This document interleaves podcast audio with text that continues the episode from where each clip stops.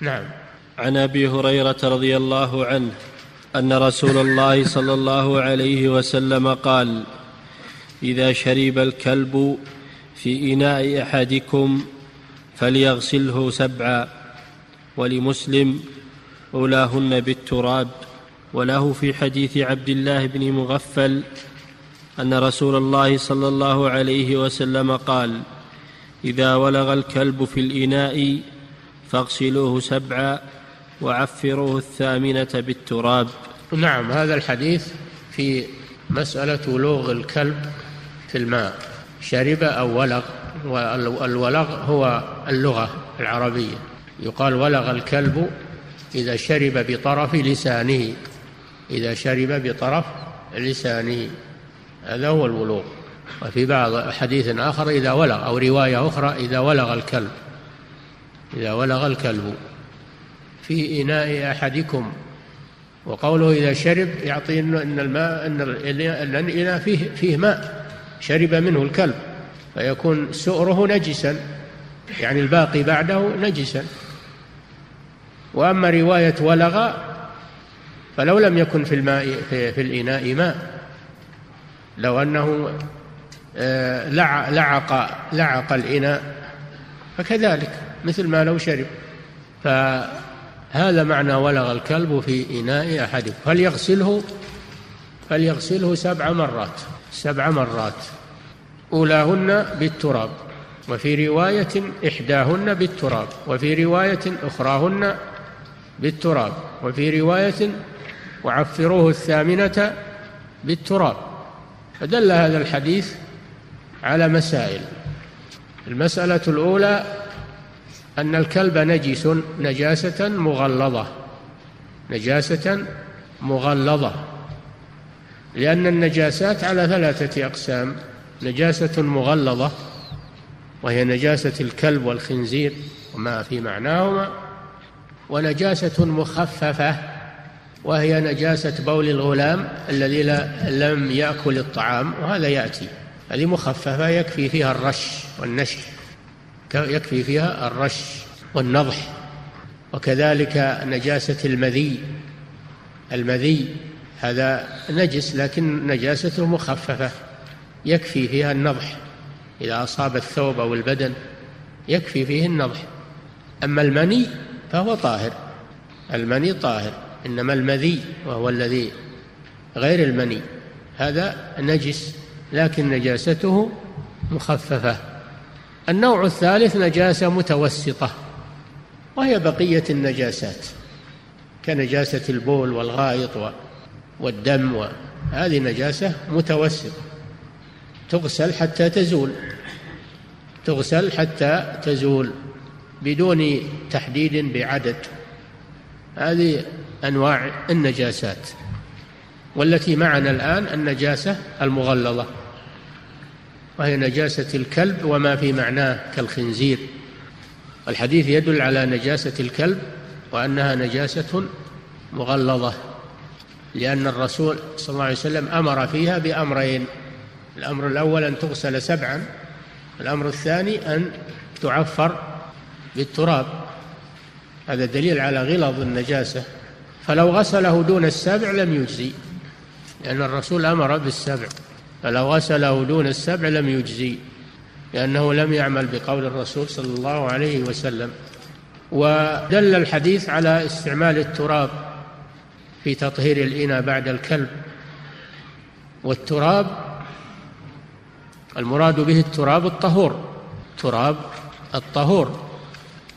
فيستعمل في غسل الإناء بعد الكلب لكن هل يكون التراب في الغسلة الأولى؟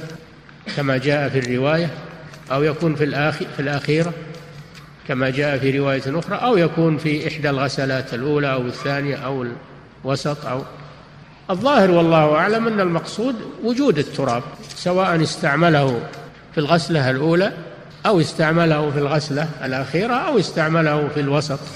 المقصود وجود التراب في غسل الإناء بعد الكلب. ففي أي غسلة جعل التراب أجزأ. لأن الروايات جاءت بهذا وهذا. هذا هو الصحيح أن المقصود استعمال التراب في أي غسلة من الغسلات. وما كيفية استعمال التراب؟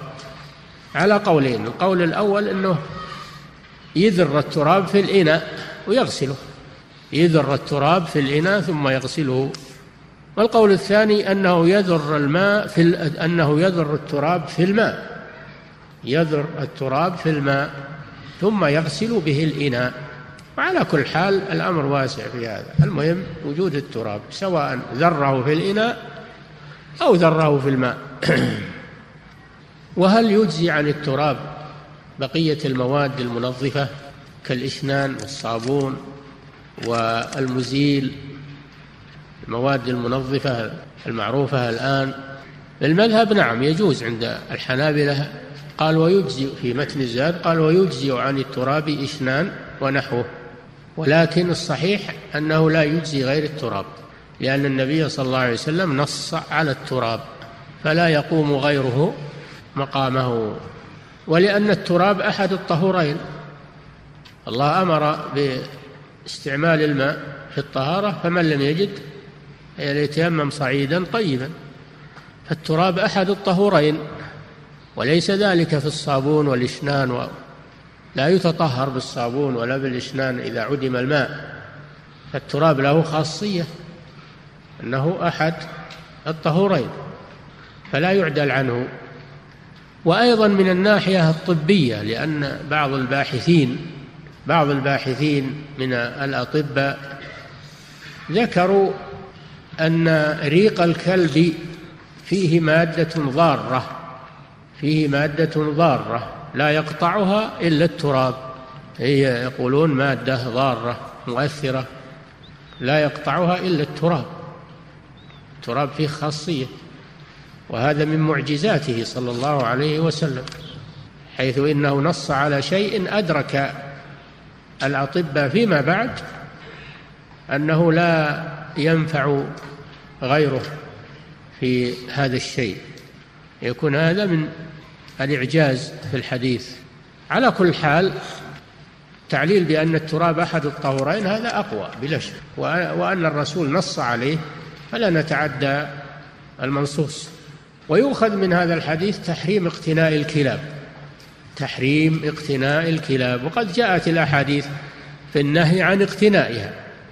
وأن من اقتنى كلبا إلا لماشية أو زرع أو صيد أنه ينقص من أجره كل يوم قيراط وجاء في الحديث أيضا أن الملائكة لا تدخل بيتا فيه كلب ولا صورة. فهل المسلم يرضى أن تمتنع ملائكة الرحمة من دخول بيته؟ لا يرضى بهذا مسلم. ففي هذا رد على الذين يقتنون الكلاب لغير ما رخص فيه الرسول صلى الله عليه وسلم.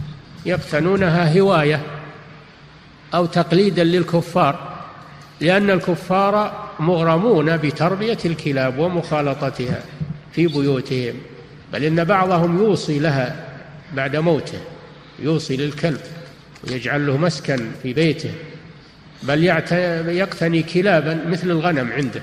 الكفار ذولا يمكن الكلاب أحسن منهم. نعم الكلاب أحسن منهم. إنهم إلا كالأنعام بل هم أضل سبيلا لأن الكلاب ليس عليها تكليف ولا مسؤولية فهي أحسن منهم.